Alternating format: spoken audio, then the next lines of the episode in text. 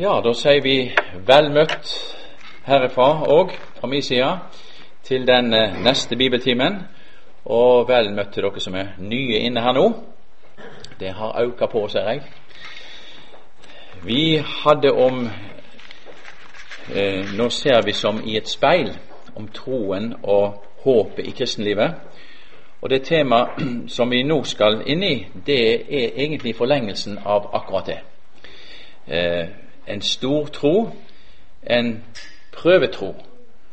Og der vi nettopp skal se at en, en prøvet tro, altså den som blir stilt på prøve om det, den faktisk er ekte, eh, og er en tro som er nettopp holder fast på Jesus, eh, eller setter sin lit til Han, det er det som er den store tro.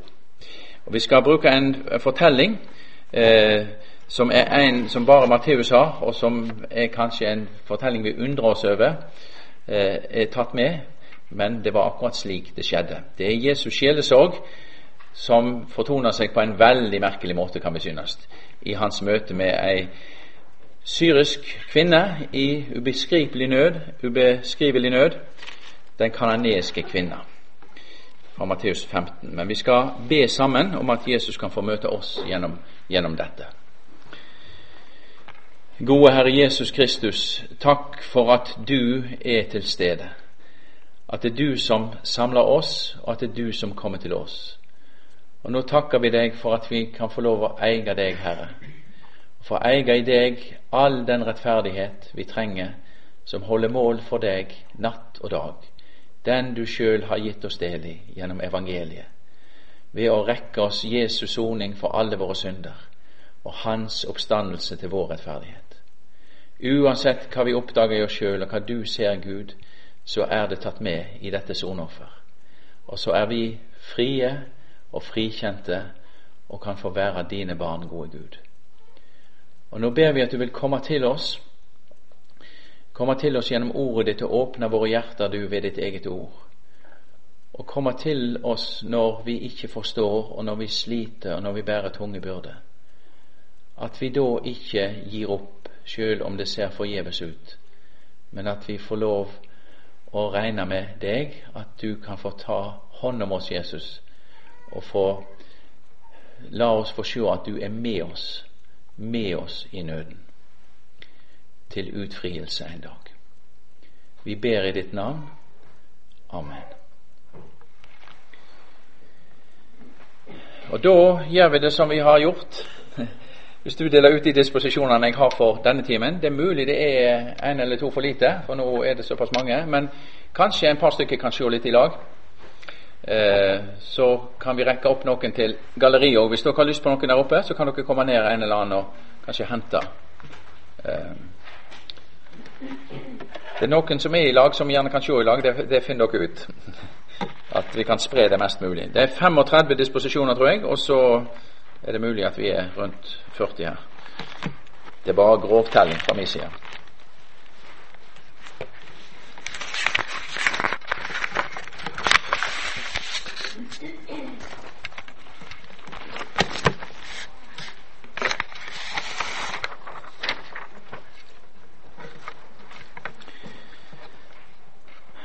Og Da er det en, eh, en, del punkt i denne innledningen som vi skal merke oss.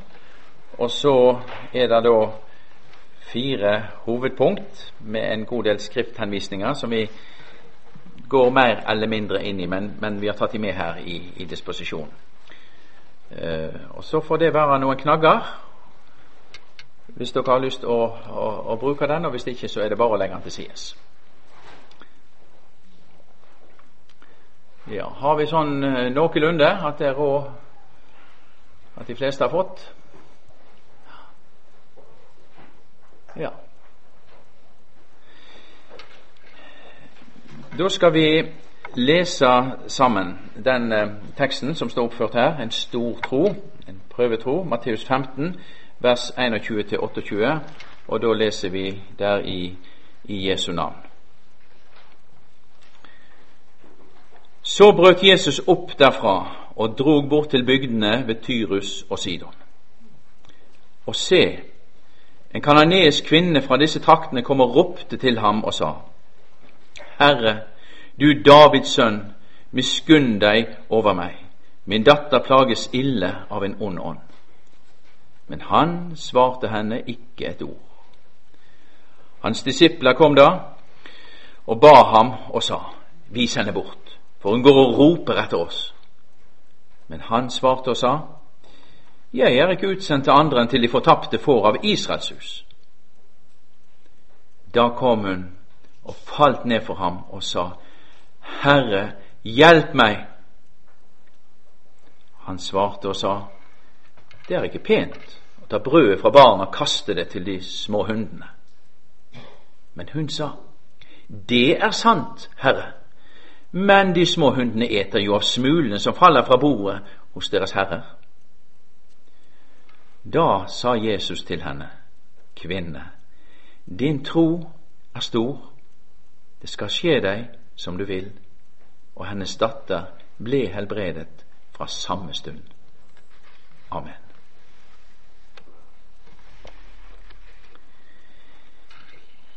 Vi møter Jesus der han nå er sammen med sine disipler på avsides steder, ettersom motstand imot han vokste, og folkemengden ikke ga han fred, men oppsøkte han stadig. Så han trekker seg noe tilbake for å være alene sammen med disiplene. Og når han trekker seg tilbake til eh, Fønikia, nordvest for Galilea, til områdene rundt byene Tyrus og Sidon, for å konsentrere seg om undervisningen av sine disipler. Og nettopp midt oppi dette, da skjer det noe helt uventa. Og det blir eh, varsla oss nettopp med, med, dette uttrykket 'å se'. Da er det noe vi skal bli oppmerksom på på en særlig måte.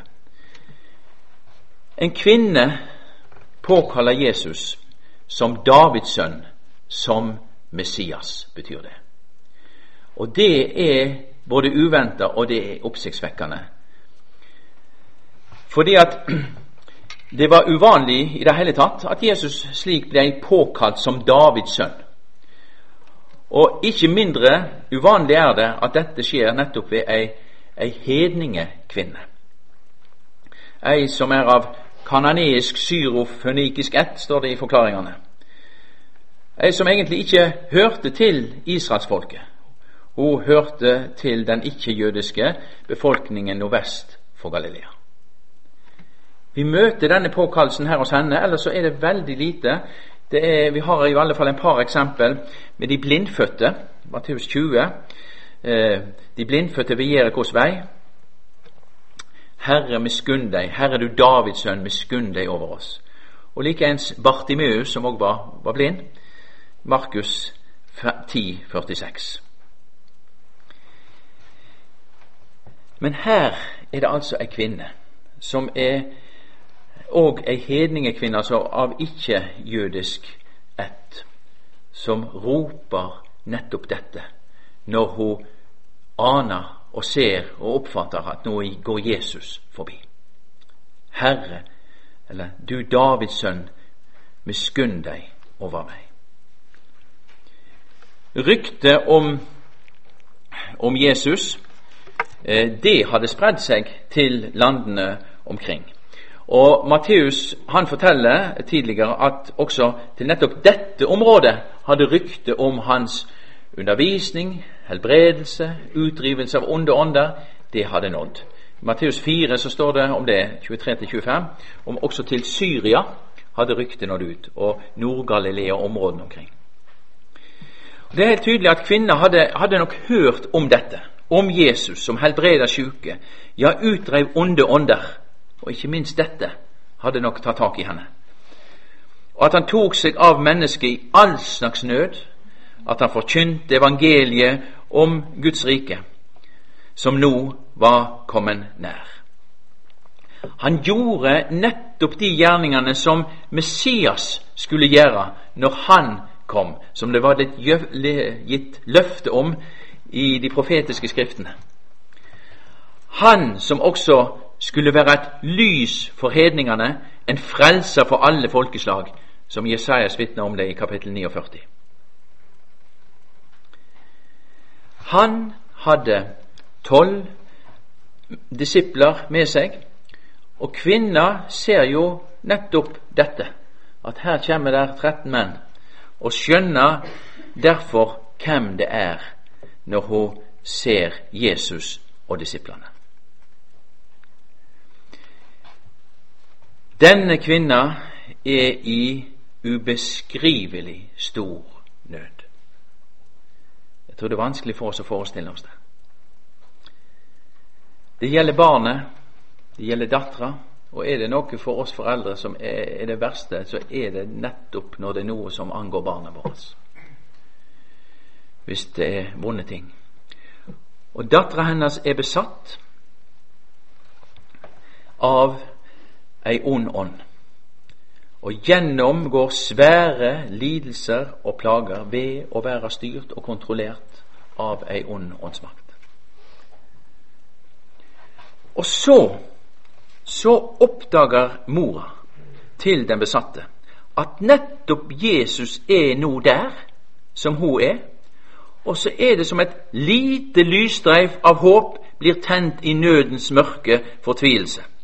Og så er det som hun samler all sin nød og all sitt håp i ropet Herre, du Davids sønn, miskunn deg over meg, min datter plages ille av en ond ånd. Hun påkaller Jesus som, som Herre. Og det er det samme som å påkalle han som Gud sjøl. Det er Guds navnet, Herren. Og hun påkaller han som, som Davids sønn. Og det er det samme som å påkalle han som, som Messias. Han som skulle komme i Davids ett. Frelserkongen, som skulle komme med gjenopprettelse, frelse og fred. Og så ber hun han om å gjøre noe som bare Gud kan gjøre. Og at han gjør det ut ifra sin miskunn.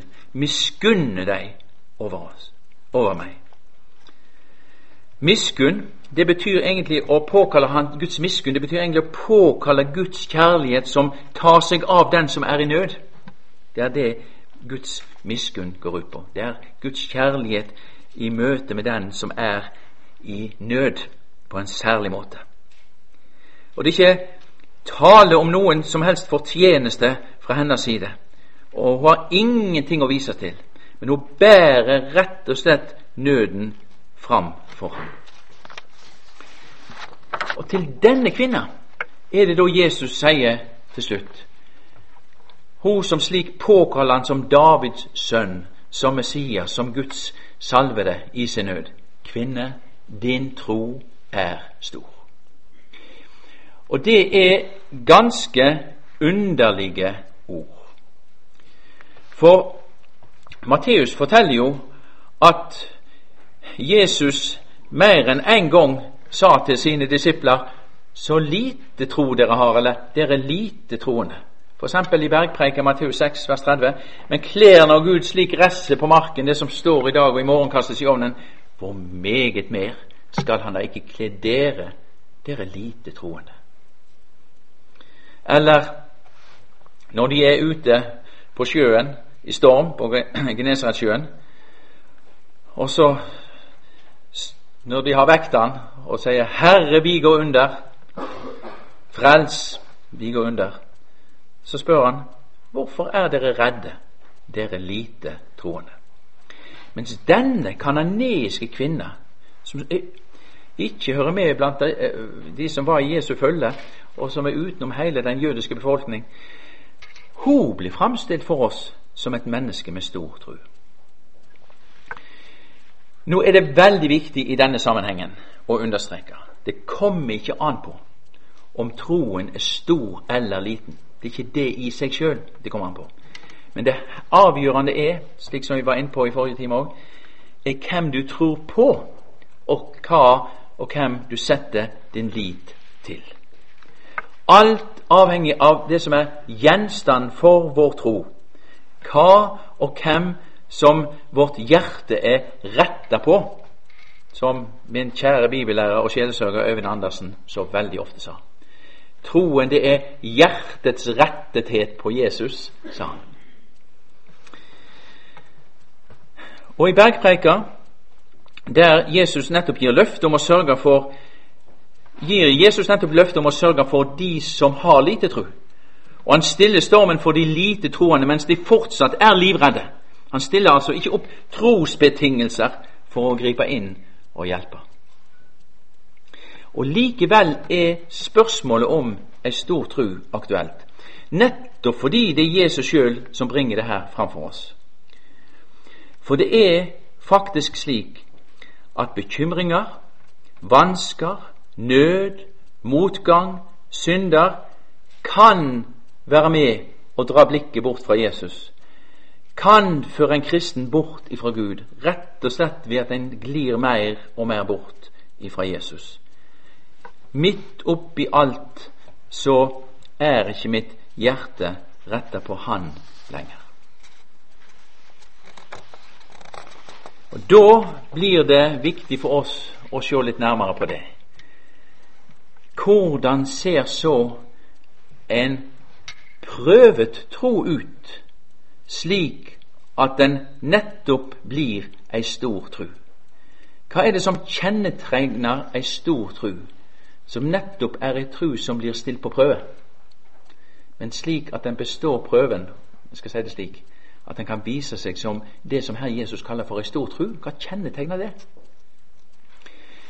Og Da er det her særlig fire, fire kjennetegn og fire viktige sannheter som er viktig for oss å understreke her, ut ifra dette møtet med denne kananeske kvinna, som Jesus nettopp sier 'din tro er stor'. Og Det første vi understreker her, det er at den som har ei stor tru, blir hos Jesus, sjøl når det ser håpløst og forgjeves ut å være hos Han. Og for den kanadiske kvinna så ser det mer enn håpløst ut.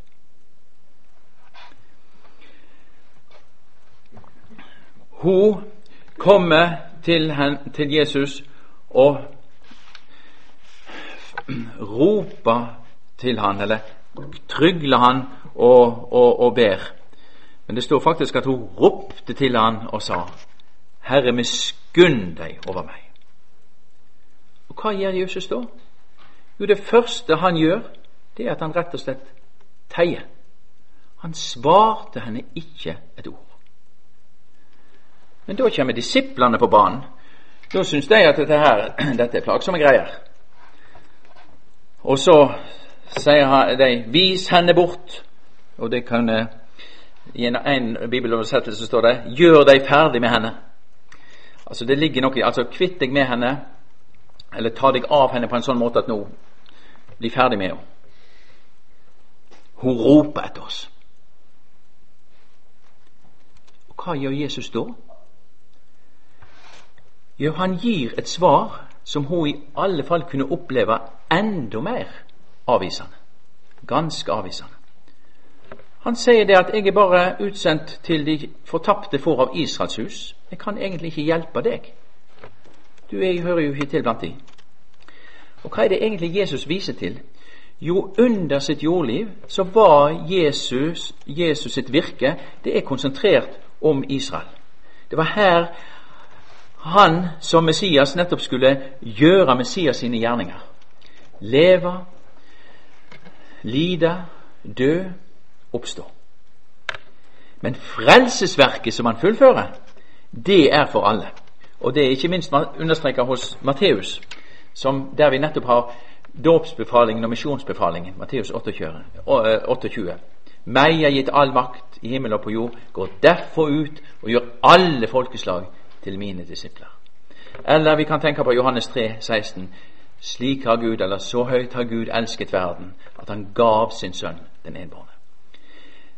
Så frelsesverket er for alle, men gjennomføringen av frelsen i de gjerningene som Jesus gjorde, og hele hans jordiske virke, var knytta slik til Israel. Men nå har han altså tatt en tur utenom, til traktene rundt Tyrus og Sidon.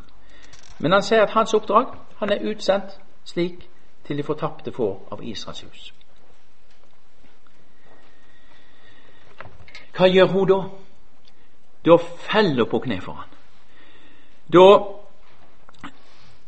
roper hun bare 'Herre, hjelp meg'.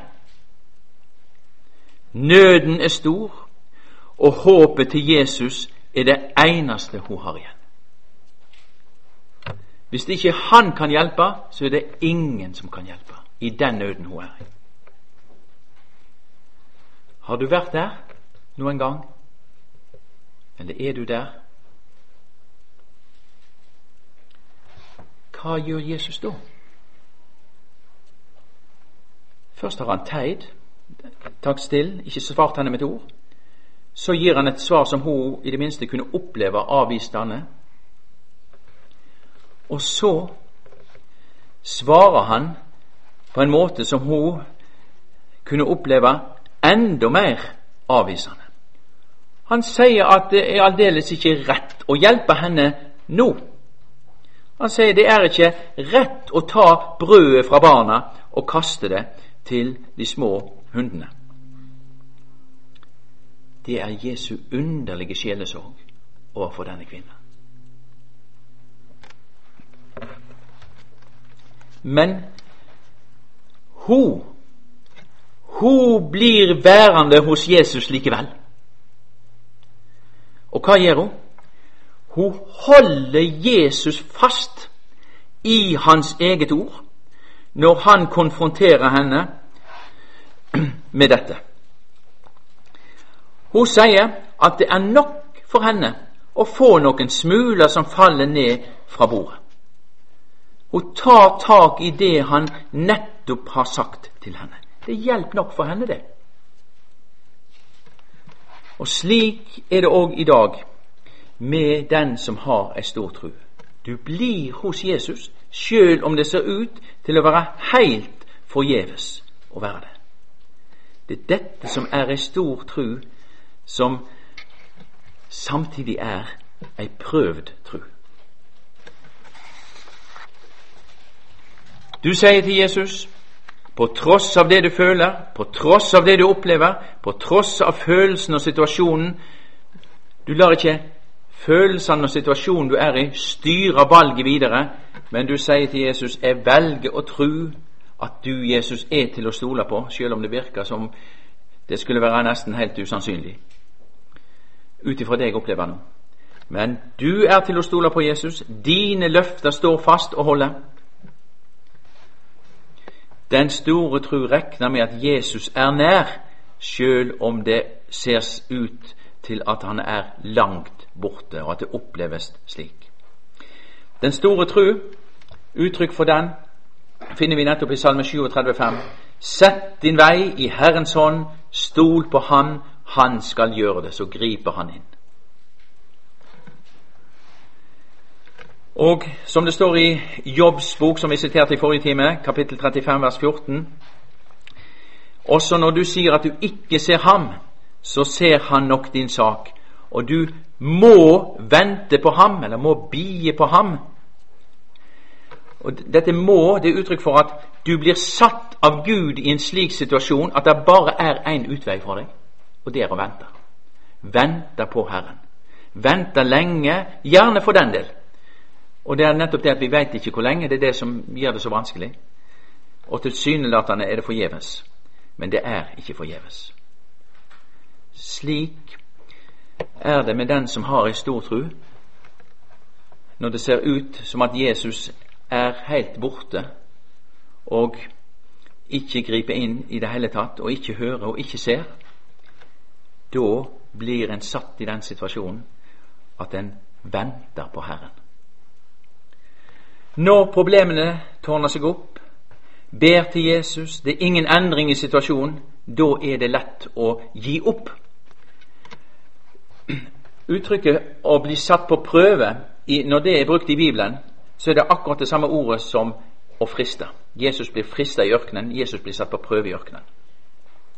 Og Det er noe som ligger i dette her, og den prøvede tro. I det så ligger det gjennom det at troen blir prøvd, og vi nettopp holder fast på Jesus, så er det samtidig en fristelse hele veien. En fristelse nettopp til å gi opp når det ser ut til at, at Jesus ikke verken bryr seg eller hører. Men da rekner nettopp den som har ei stor tru, fortsatt med Jesus. Og det ligger ingen som helst prestasjon i dette. Det Her snakker vi ikke om trosprestasjoner i det hele tatt. Den som har ei stor tru, er hjelpeløs nok i det. Det er nettopp det han er. For det at dette skjer ved å holde Guds løfter opp for mitt hjerte. For da kan Ånden, Den hellige ånd, få gjøre sin gjerning gjennom Guds ord, og gjennom dette ordet rette mitt hjerte på Guds løfter, på Jesus, så han får stige inn. For eksempel løftet som vi har lest fra Matteus 6,30. Når Gud slik kler gresset på marken, det som står i dag og i morgen kastes i ovnen, hvor meget mer skulle han da ikke kle dere? Dere lite troende. Ja, den som har ei stor tro, som vi snakker om her, han synes nettopp at den ingen tro har. Troen er ingenting i seg sjøl, den. Men det er bare det er snakk om et hjerte som ikke kan la være annet enn å, enn å være retta på Jesus. Og denne at hjertet vårt hjerte og sinn og øye blir retta på Jesus, det er det Gud sjøl som gjør. Det er Jesus som retter vårt hjerte på seg gjennom sitt ord, ved at vi rett og slett praktisk hører ordet, ser ordet, så Gud på den måten kan få fange blikket vårt og se hva som står skrevet.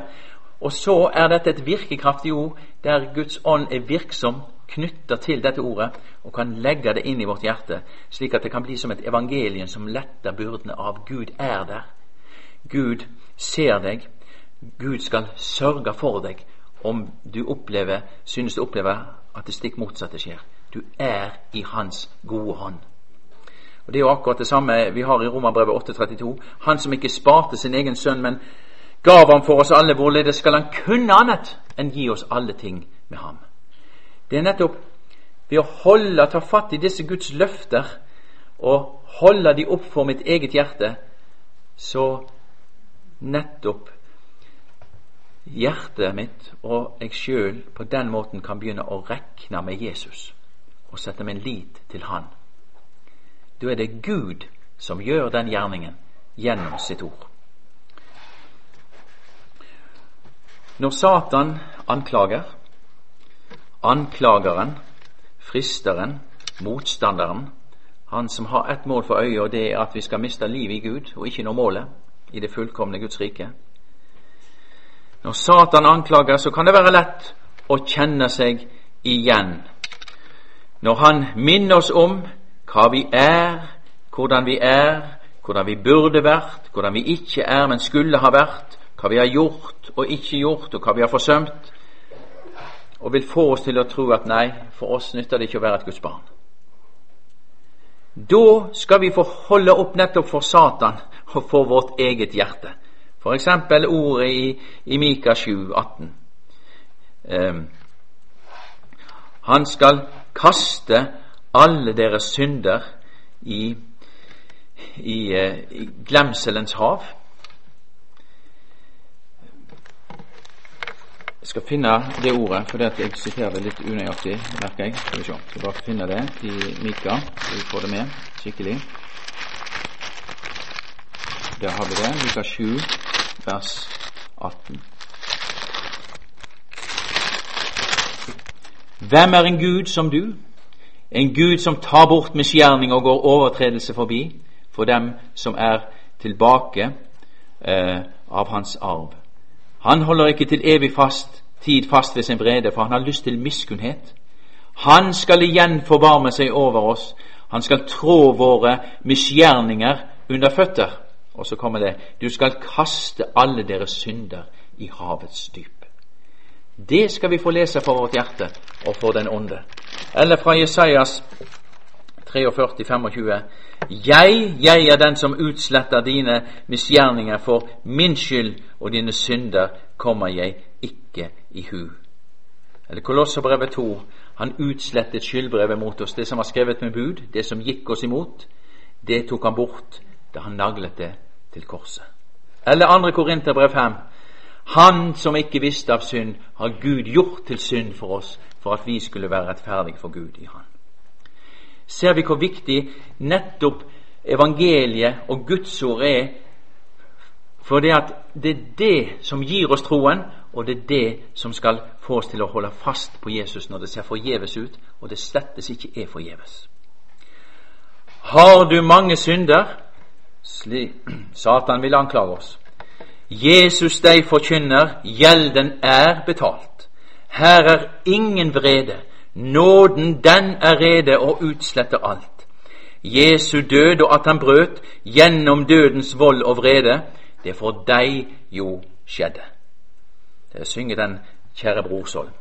Og det, den skrev han Dette skrev han i 1734.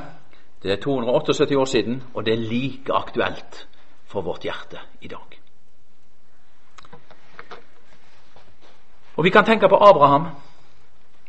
Vi hørte jo om Abraham her i, til åpning, Romerbrevet 4.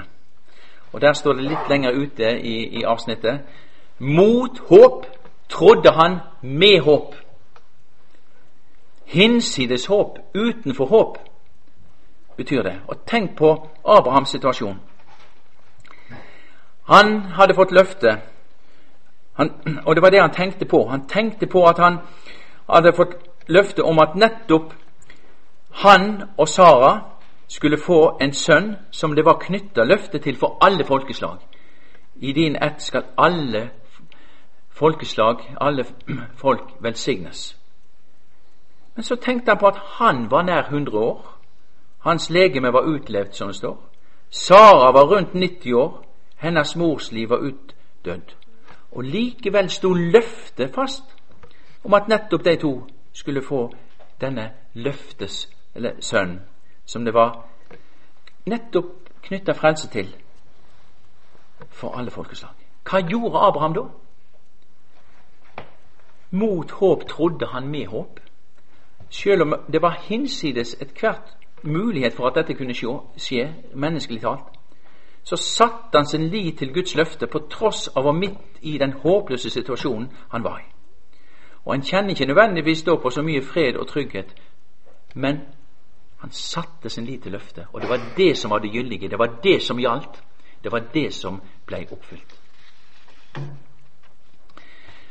Og så må vi gå over i det andre. Det neste kjennetegnet på en, en prøvd og en stor tro er dette at en venter seg alt av Gud, men takker for og tar imot det som bare ser ut til å være noen smuler. Vi leser herifra igjen i, i Matteus 15. Han svarte og sa:" Det er ikke pent å ta brødet fra barna og kaste det til de små hundene. Men hun sa, Det er sant, Herre, men de små hundene eter jo av smulene som faller fra bordet hos deres herrer.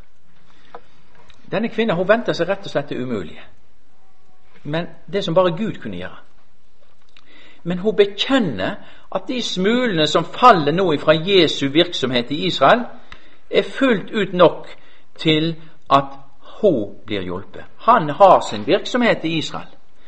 Men nå er han faktisk her. Og han blir jo ikke hindra i sin gjerning for Israels hus om han hjelper henne. Nå er han jo her med hele seg. Med andre ord hun stoler på Guds løfter. Fordi hun påkalte Jesus som Davids sønn. Og det er det samme som Messias, som også var Abrahams sønn. Matteus start, eh, har med det i, i kapittel 1, Jesu ettertavle. Davids sønn, eller Abrahams sønn, Davids sønn. Og nettopp i løftet til Abraham og hans ett, der er også denne kvinnen regna med. Fordi at i hans, i deg, står det, skal alle jordens slekter velsignes, står det i første Mosebok kapittel 12,3. Hun påkalte Jesus som Davids sønn, og dermed også om Abrahams sønn, som skulle være, bli et lys for hedningene. Og denne Abrahams velsignelse, det er den som er gitt oss i Jesus Messias. Hun satte sin lit til Guds løfter. I Galaterbrevet for eksempel, så står det veldig tydelig nettopp om det i Galaterbrevet kapittel, kapittel 3, vers 13-14. Eh, Kristus kjøpte oss fri fra lovens forbannelse ved at Han ble en forbannelse for oss. For det står skrevet 'Forbannet er hver den som henger på et tre'. Dette skjedde for at Abrahams velsignelse skulle komme til hedningene i Kristus Jesus, for at vi ved troen skulle få Ånden, som det var blitt gitt løfte om. Nå påkaller hun jo virkelig rette vedkommende. Han som nettopp er den som bringer gjennom sin død og sin oppstandelse som Messias, Abrahams velsignelse, ut til folkeslagene. Nettopp gjennom sitt eller for alle mennesker gjennom sin død og sin oppstandelse. Og Så står det i vers 29 i Galaterbrevet 3.: Og hører dere Kristus til, da er dere Abrahams ett og arvinger etter løftet. For en kristen i en nødsituasjon så kan et løfte fra Guds ord se ut som en smule. Som en brødsmule. I hvert fall som en smule. En stor tro, eller den som har en stor tro, takker for og tar imot løftet fra Gud uten å måtte stille krav om store opplevelser, spesielle følelser eller noe som helst annet ekstra. Uten å måtte forstå Gud eller finne fram til en mening med det som skjer, og det som Gud tillater. Nettopp ei slik prøvd tru er ei stor tru, som rekner med Gud, at Gud er også den skjulte Gud. Vi forstår ikke, men vi holder fast ved Hans løftes ord midt i det. Og det kan være tørt som flatbrød, som en smule, og, men det er faktisk det jeg klynger meg til. Og det er der òg hjelpen ligger, til nettopp å holde fast ved troen og bli værende hos Gud. Og så inn i det tredje. Den store tro kom ifra et hjerte som ser sant på seg sjøl. Det ser vi her i det kvinna sier i vers 27. Men hun sa, Det er sant, Herre. Jesu bilde om de små hundene var et velkjent bilde, ikke minst blant fariseerne, og blei blant de ofte brukt på forholdet til hedningefolkene, folkeslagene rundt Israel, eller utenom jødene. Og hva gjør denne kvinna? Jo, hun anvender dette bildet uten reservasjon på seg sjøl. Hun veit hvem hun er, og veit hva folk hun tilhører, og hva folk hun ikke tilhører. Og så sier hun 'Det er sant, Herre'. Og det sier veldig mye om hennes sjølerkjenning, om hennes oppriktighet, om hvor sant hun ser på seg sjøl. Hunder var bildet på noe uverdig, egentlig. Noe noen en, noen ikke regner med. Hva gjør denne kvinna? Hun ydmyker seg i sannhet. Hun har en sann erkjennelse av Hun bøyer seg for at frelsen kommer fra jødene gjennom Jesus. Hun er ikke verdig å få del i dette. Hun har ingen krav hos Gud. Hva gjør hun da? Hun påkaller og roper og ber om miskunn. Det er ikke ut ifra fortjeneste eller noe ved henne at Gud kan gripe inn og frelse og hjelpe henne og utfri henne. Men hun påkaller Herrens barmhjertighet, Herrens miskunn, Guds kjærlighet, som nettopp er for mennesker som henne i nød. Når Jesus teier, og så svarer, oppleves det å svare avvisende, og igjen opplever vi at det er bare enda mer avvisning, da kan det hende at det skjer noe med oss. Da kan vi rett og slett bli avslørt og avkledd av Gud og møte oss sjøl ganske ufiltrert som de vi faktisk er. Og da kan vi òg komme til å sjå vår synd som vi kanskje aldri har sett den før. For da, vi, kommer alle motivene våre fram hos oss. Da kan vi oppdage vår æresyke, vår hovmod, vår utålmodighet, vår trang til å være stor, vår indre uærlighet, vår onde natur som ikke vil bøye som en bare godta vår egen løsning på problemet. Den gudfiendtlige og lite fromme natur kan da bli ganske så avslørt. Denne, det som er beskrevet slik i Romerbrevet 8, kjøtets attrå, altså den syndige naturs attrå, det den trakter etter, er fiendskap mot Gud. For det er ikke Guds lov lydig, kan heller ikke være det. I Matteus 15, like foran avsnittet, så sier jo Jesus for, for hjertet kommer onde tanker, mord, hor, utort. Det er en beskrivelse av den naturen. Da sier det hjertet som den store tro kom ifra, det er sant, Herre. Slik er jeg. Det er sannheten også meg. Du vil bøye deg for Gud i Hans ord, og vil vedkjenne deg som den du faktisk er. Du legger ikke skylden over på Gud og på de andre. Du vil ta Guds ord til hjertet. Når vi kommer fram for Gud slik vi er, og sier som dette Jeg har synda. Jeg er stor i meg sjøl. Jeg har svikta. Når vi nevner våre synder med de rette navn, uten å unnskylde, bortforklare, da kan vi være viss på at dette er vel mottatt hos Gud. Og da skal vi òg få lov å se at hans blikk på oss lar oss få lov å se et ansikt som gjør at vi trenger ikke å skjemmes over at vi er slik vi er.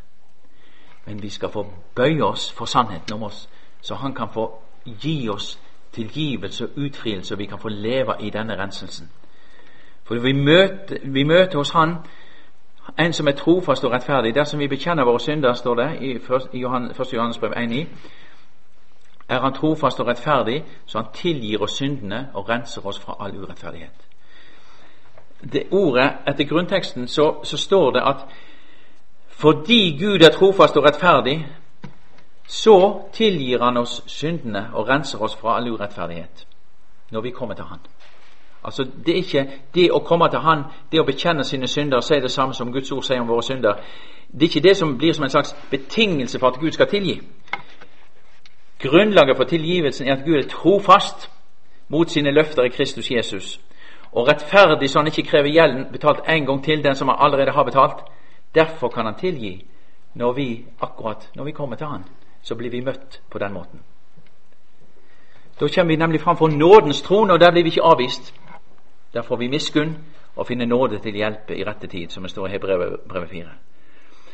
Og Da kan vi for den del føle at det eneste rette var at Gud skulle forkaste meg. Men akkurat i den sammenhengen betyr det lite og faktisk ingenting hva vi føler. For vi har Guds ord å løfte på at Han vedkjenner seg oss. Vi er rensa fra nettopp disse syndene i Jesu blod. Tenk, Han vedkjenner seg oss. Derfor skammer han seg ikke ved å kalle dem brødre, står det i Hebreabrevet 2. Og Der er det nettopp tale om hvordan Jesus har gått inn i vår situasjon og så har sona for alle våre synder, er vår frelses høvding, og stiller seg sammen med oss der, og skjemmes ikke over og kalle oss søsken, kalle oss brødre. Det er ingen skampåføring fra Jesus. Vi kan få stå fram som nettopp den jeg er, sette min lit til Guds løfte, som for Jesus skyld frikjenner meg fra syndeskylden og gir meg et løfta blikk i møte med Hans nådige blikk. En stor tru er alltid forbundet med at jeg erkjenner og innrømmer hvem jeg er og hva jeg er. For gjennom en slik innrømmelse blir evangeliet, ja, Jesus sjøl, alt for meg. Og en kristens tro er like stor som Jesus er stor for han eller henne. En kristen som har en stor tro, blir rett og slett prega av Jesus og kan leve et oppreist liv midt i alle begrensninger og en syndig natur.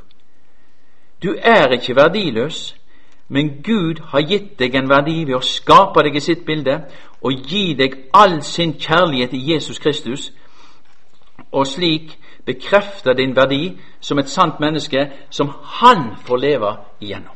Du blir et redskap for din frelser, fordi mennesket du møter, mottar da inntrykk av Jesus gjennom deg. Og Det var jo noe av det vi, vi var inne på også i forrige time. Å leve i denne renselsen som er gitt oss i Jesus, det er det som fører til at Jesu liv får utfolde seg gjennom oss til, til andre.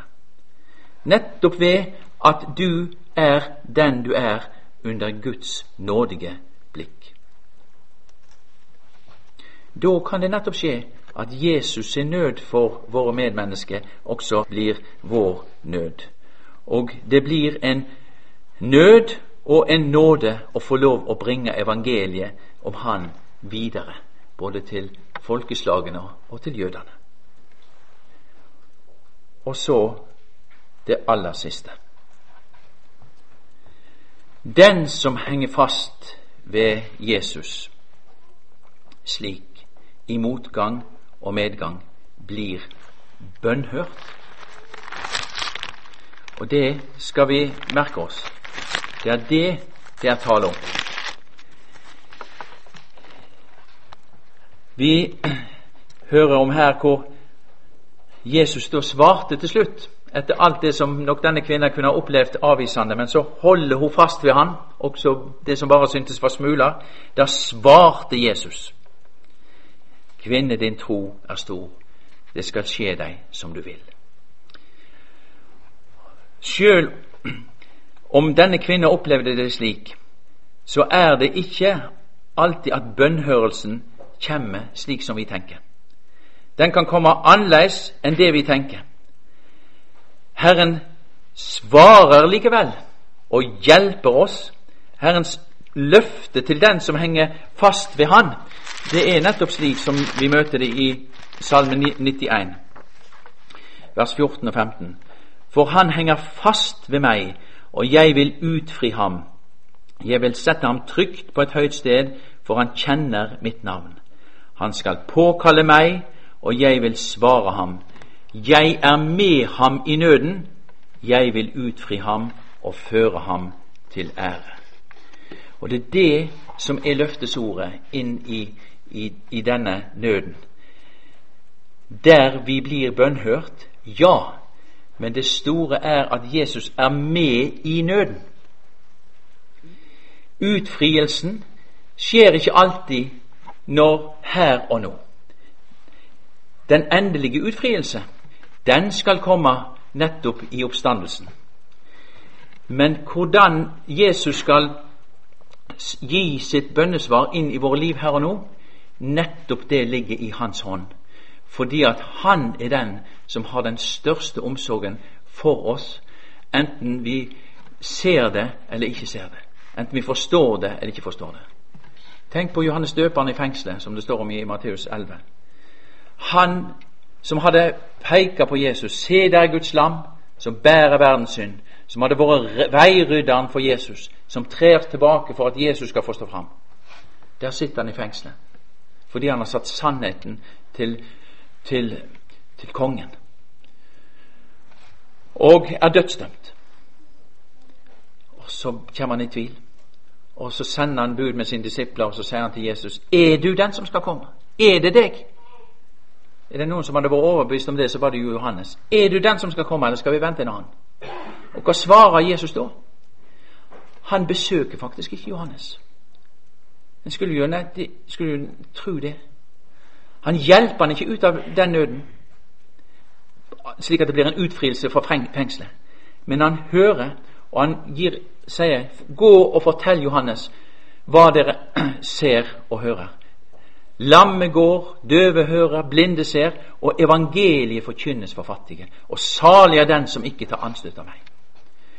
Når Johannes får høre det, så får han høre at det skjer, det som Guds løfte har gått ut på om Messias. Messias sine gjerninger skjer. Og Johannes har del i alt dette nettopp ved ikke å ta anstøt av Han som er kommet.